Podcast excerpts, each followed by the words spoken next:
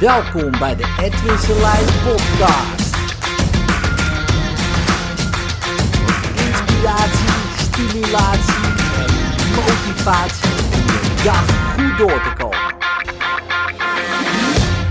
Een van de dingen die ik uh, sinds mijn vakantie regelmatig doe, is nu thinking time. En um, ja, dat heeft me nu al heel veel opgeleverd. Ik doe het nog te weinig. Um, maar ik merk echt wel uh, het verschil. Um, ik kende het principe. Hè, gewoon nadenken. En het principe ken jij denk ik ook wel. Hè, gewoon nadenken. Maar doordenken, ja, echt diep doordenken over een paar vragen. Um, ja, ook dat kende ik natuurlijk cognitief wel. Ja, je denkt gewoon even na.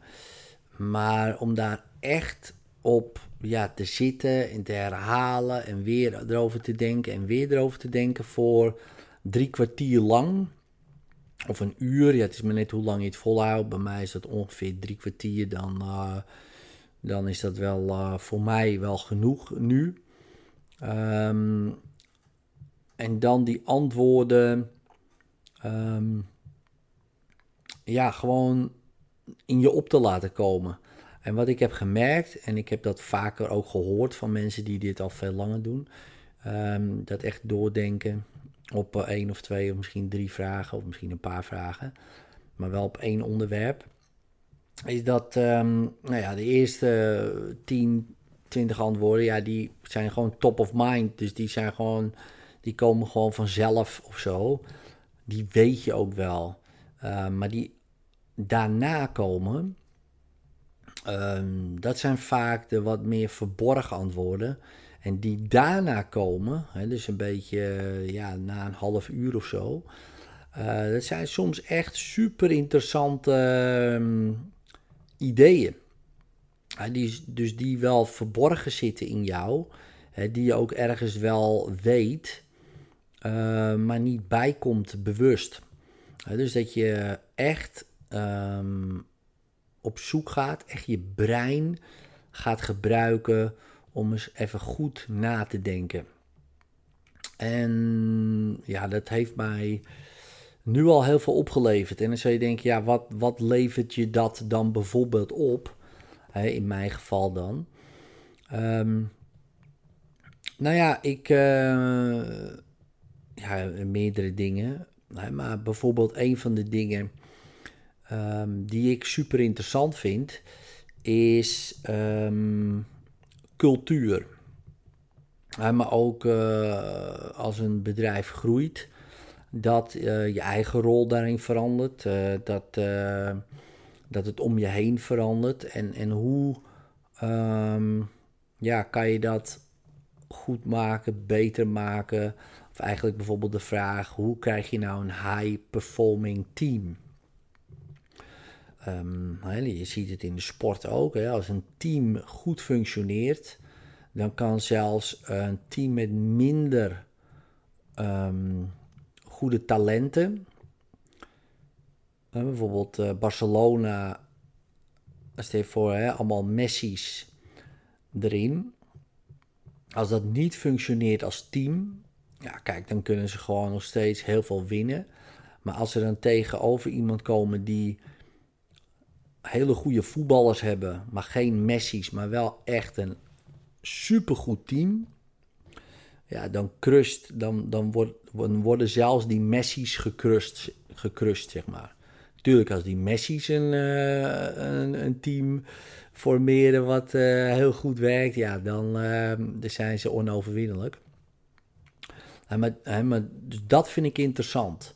Ja, en hoe krijg je dat dan? Nou, dan kan je natuurlijk gaan zoeken op internet, maar je kan ook jezelf afvragen uh, wat je al weet daarover. Dus dan ga je eerst van, nou, ik kan dit doen, zo doen, zo doen, dat doen. En op een gegeven moment komen daar gewoon hele goede antwoorden uit. En naar boven. En um, één boek wat um, mij is aangeraden, uh, door Elko de Boer. Elko die had het hier al vaker over, over uh, thinking time, maar ik had dat toch nog niet helemaal echt omarmd als zijnde van... Oké, dit is echt ehm, ja, heel goed om te doen. Ergens cognitief wist ik wel, ja, dit is wel goed om te doen. Maar ja, weet je, iets weten is wel heel wat anders dan iets doen. Er kan echt jaren tussen zitten voordat je denkt... Oké, misschien is het goed om te doen. dus... Ehm, daarom heb je dit misschien ook wel vaker gehoord, maar misschien doe je het nog niet. En, en toen raadde hij een boekje aan, of had een, had een, een video met uh, Keith Cunningham. En van uh, Keith Cunningham komt dit principe, dat thinking time. Die doet het al 25 of 30 jaar. En die had een boek, The Road Less Stupid. The Road Less Stupid. Um, supergoed boek. En er staan zeg maar Um, nou, ik weet niet hoeveel vragen, misschien wel 120, misschien wel, misschien wel tegen de 150, 200 vragen in, die je kan gebruiken om door te denken. Ja, dus per uh, onderwerp, ik zal hem maar even bijpakken. Ja, je ziet hem natuurlijk niet, hè, want het is een podcast, maar um, even kijken. Bijvoorbeeld, um, het gaat wel over business en zo. Maar goed, dat maakt niet uit. Uh, je kan het gewoon uh, toepassen op jouw, um, op jouw, laten we zeggen, problemen, uitdagingen of dat soort dingen. En dan heeft hij allemaal vragen die, um, die je dan bijvoorbeeld kan gebruiken. Bijvoorbeeld, ik noem maar wat waar, even kijken hoor. Dan heeft hij allemaal vragen bijvoorbeeld. Oké, what is the belief coaching they need to get clarity around the correct beliefs that will enable them to do and keep their job?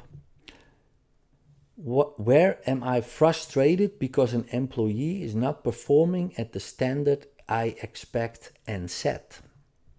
En dus dit zijn dan Engels, vertaal het naar keuze. Hè? Dus maar je kan um, bijvoorbeeld als je kijkt naar, um, nou bijvoorbeeld het voorbeeldje van cultuur. Oké, wat is nou een, wat vind ik een goede cultuur? Uh, wat zijn de eigenschappen van een goede cultuur? Wat zijn de eigenschappen van een uh, high performance team? Wat is high performance? Um, nou, allemaal van dat soort vragen. Hè, hoe krijg je het nu voor elkaar dat mensen uh, voor elkaar willen werken? Hè, hoe krijg je allemaal heel veel hoe-vragen en wat? Um, want het gaat ook om de juiste vragen. En dit zijn de vragen die ik net noemde in het Engels. Ze zijn natuurlijk heel specifiek op een bepaalde context. Maar op een gegeven moment, als je door die vragen heen gaat, dan krijg je daar een bepaalde idee van: oh ja, dit is een goede manier om vragen te stellen. Want um, het doordenken is één kwaliteit, maar de juiste vraag stellen, dat is eigenlijk de kwaliteit waar het om gaat. Want je kan jezelf een hele beroerde vraag stellen. Bijvoorbeeld, ja, waarom ben ik zo dik? En je gaat daarop doordenken. Dan krijg je echt shit antwoorden allemaal. Waar je echt niet op zit te wachten. En wat je zelfvertrouwen geen goed doet. En dat soort dingen. dus je moet ook jezelf. Je, dan kan je beter zeggen: oké, hoe kan ik uh, eh, 5 kilo afvallen um, dit half jaar? Dus misschien tijdspecifiek en, uh, en kilo specifiek. Nou, dan krijg je hele andere antwoorden dan waarom ben ik nou zo dik of waarom kan ik mezelf niet dwingen of stoppen om te eten, uh, s'avonds voor op de bank. En zeg ik ja, omdat je lui bent, omdat je dit, krijg je allemaal shit antwoorden.